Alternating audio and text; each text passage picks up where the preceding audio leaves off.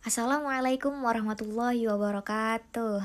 Halo teman-teman semua, kembali lagi di Linskui Podcast. Namanya alay banget ya, tapi gimana dong, Gak tahu lagi mau namain apa. Gak apa-apa ya, hmm, sebelumnya mau tahu nih kabar kalian gimana? Lagi pada sibuk ngapain? Udah PPKM level level 10 kali ya? Rasanya tuh pengen teriak aja kalau udah bisa jalan-jalan lagi tapi gak ada yang bisa kita lakuin selain sabar terus juga berdoa dan semoga PPKM ini bagian dari ikhtiar kita supaya pandemi cepat berakhir. Info kali ini cukup menarik untuk maba dan mala ya. Mala apa sih mahasiswa lama? Ya mungkin banyak dari kalian yang udah punya experience daftar-daftar beasiswa. Nah saya kali ini sama sekali nggak berniat menggurui. Saya hanya mau sharing aja next step setelah lolos perguruan tinggi apa sih yang harus kita kejar.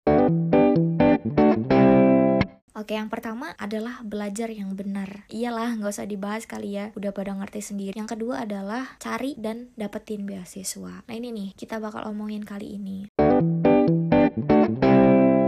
Sih beasiswa itu? Menurut KBBI, beasiswa adalah tunjangan yang diberikan kepada pelajar atau mahasiswa sebagai bantuan biaya belajar. Nah, dari pengertian beasiswa tadi udah jelas tuh bahwasannya ini merupakan bantuan biaya sehingga seorang pelajar bisa mengikuti kegiatan belajar dengan biaya yang lebih ringan. Nah, karena bersifat bantuan, besaran beasiswa itu hanya beda-beda. So, ada yang full scholarship, ada yang parsial, atau ada bantuan fasilitas tertentu yang uh, dapat menunjang pembelajaran. Kayak tadi kan udah apa ya? Sekarang kenapa? Kenapa sih kita harus nyoba daftar beasiswa? Kalau kita ngomongin beasiswa pasti yang terlintas di pikiran kita itu benefit finansialnya aja kan? Padahal nyatanya beasiswa itu bukan hanya tentang uang saja gitu. Masih banyak banget manfaat yang bisa kita dapetin dari beasiswa. Di sini saya membaginya menjadi empat alasan gitu. Pertama adalah kesempatan emas. Jadi alasan utama kita mengajukan beasiswa adalah karena ya kenapa enggak? Ada peluang yang cukup besar nih di depan mata dengan sejuta manfaat yang akan berguna di masa depan kita kok dilewatin Meskipun ngajuin beasiswa ini butuh waktu dan energi yang begitu besar, yang udah dapat itu ngerasa bahwa apa yang mereka lakuin buat ngajar itu tuh bakalan terbayar. Nah yang kedua, kenapa kita harus daftar beasiswa adalah melalui beasiswa kita tuh bakalan dapat pengalaman belajar yang lebih baik. FYI, abang saya dari S1 sampai S3-nya dapat beasiswa full di luar negeri. Di S3-nya beliau dapat beasiswa dari kerajaan Saudi, S2-nya dari Kementerian Agama, S1-nya dari kampusnya. Nah beliau tuh bilang ke saya gini, lu usaha dong biar dapat beasiswa. Nah kalau lu udah dapat beasiswa, kuliah lu itu bakal lebih nyaman. Tinggal fokus belajar, nggak perlu capek-capek pikirin UKT, SPP,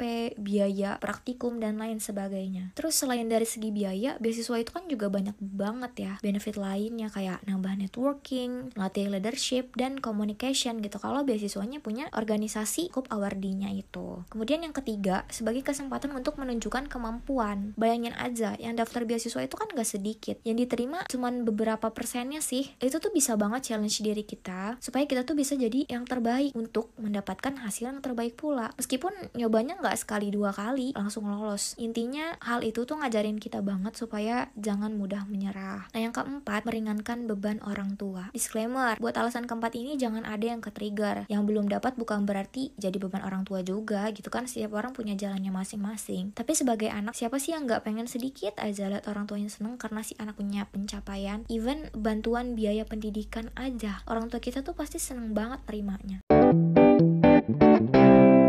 Nah, beasiswa yang ada itu khususnya untuk perguruan tinggi itu ada seabrek-abrek banget, guys.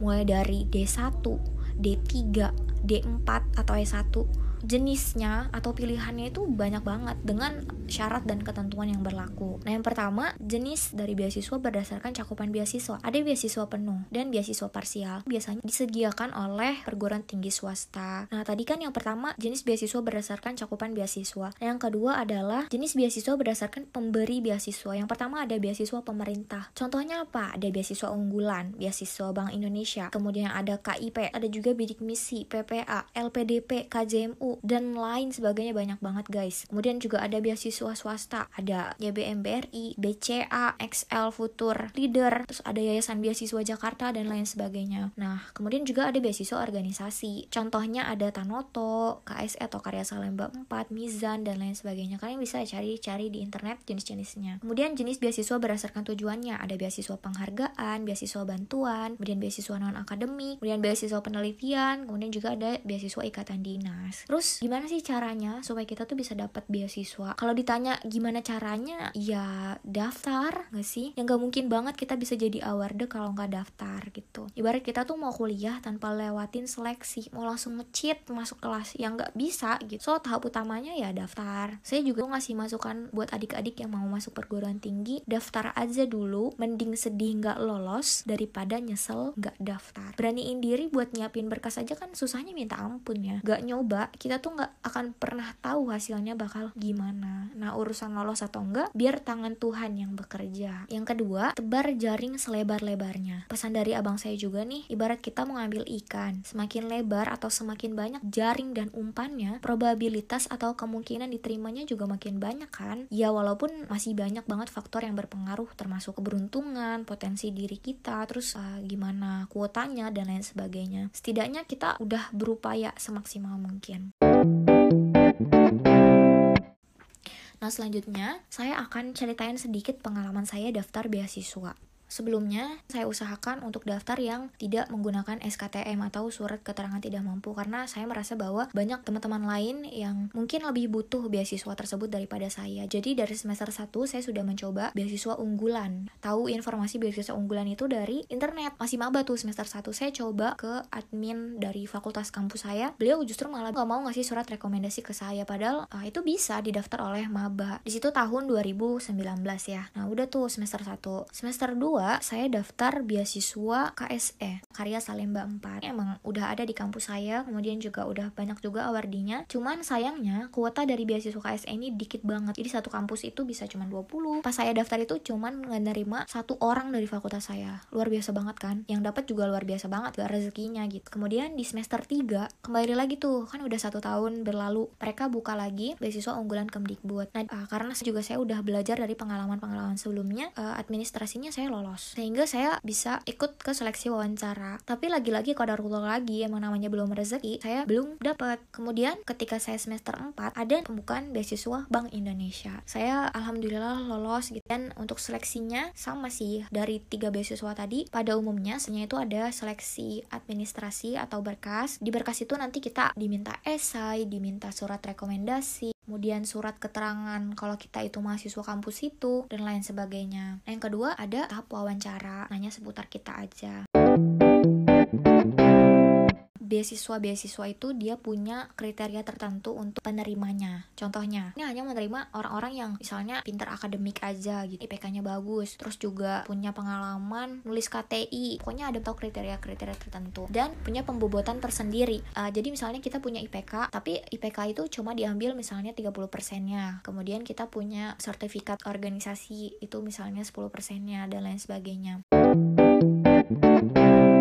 sedikit catatan nih buat kalian, buat teman-teman yang sekiranya udah nyoba tapi belum lolos atau bahkan yang belum pernah nyoba sama sekali. Yang pertama, jangan pernah nyerah. Terus aja nyoba daftar karena kita tuh nggak tahu rezeki kita tuh di mana. Tidaknya kita udah berhasil kok lawan kemageran diri kita biar kita tuh sampai di tahap daftar. Tuh urusan keterima atau enggak tuh belakangan. Yang kedua, rajin tanya ke yang udah lolos atau yang gagal juga nggak apa-apa tanya aja karena dari pengalamannya kita bisa banyak belajar. Yang ketiga yang paling penting banget banget banget kita tuh harus tahu nilai diri kita. Banyak banget yang ngasih tips katanya kalau kita tuh daftar beasiswa kita harus jujur aja apa adanya diri kita. Jangan dengan kayak gitu. Tidaknya kita tuh tunjukin kalau kita tuh punya nilai jual punya kelebihan. Kalau kita tuh layak kalau kita tuh pantas gitu. Jadi jangan jujur-jujur banget kalau ditanya. Itu ya teman-teman kayaknya udah banyak banget nih yang saya sharing ke kalian. Mohon maaf banget kalau banyak salah gitu ya baik salah kata atau salah pengucapan Semoga apa yang saya sampaikan ini bisa bermanfaat buat kita semua. Mungkin next saya bakalan sharing lagi tentang apa pun yang saya lagi pikirin nih. Saya kepikiran ini aja pengen sharing karena saya bikin thread di Twitter yang nge-reach tweet saya tuh 1500. Saya pikir kalau saya bikin Spotify buat teman-teman mungkin bakal lebih bermanfaat juga ya. Oh ya, kalau misalnya ada yang mau ditanya-tanya mengenai beasiswa, kalau misalnya saya uh, bisa, insya Allah saya bantu. Jadi tanya aja. Sekian dari saya. Wassalamualaikum warahmatullahi wabarakatuh.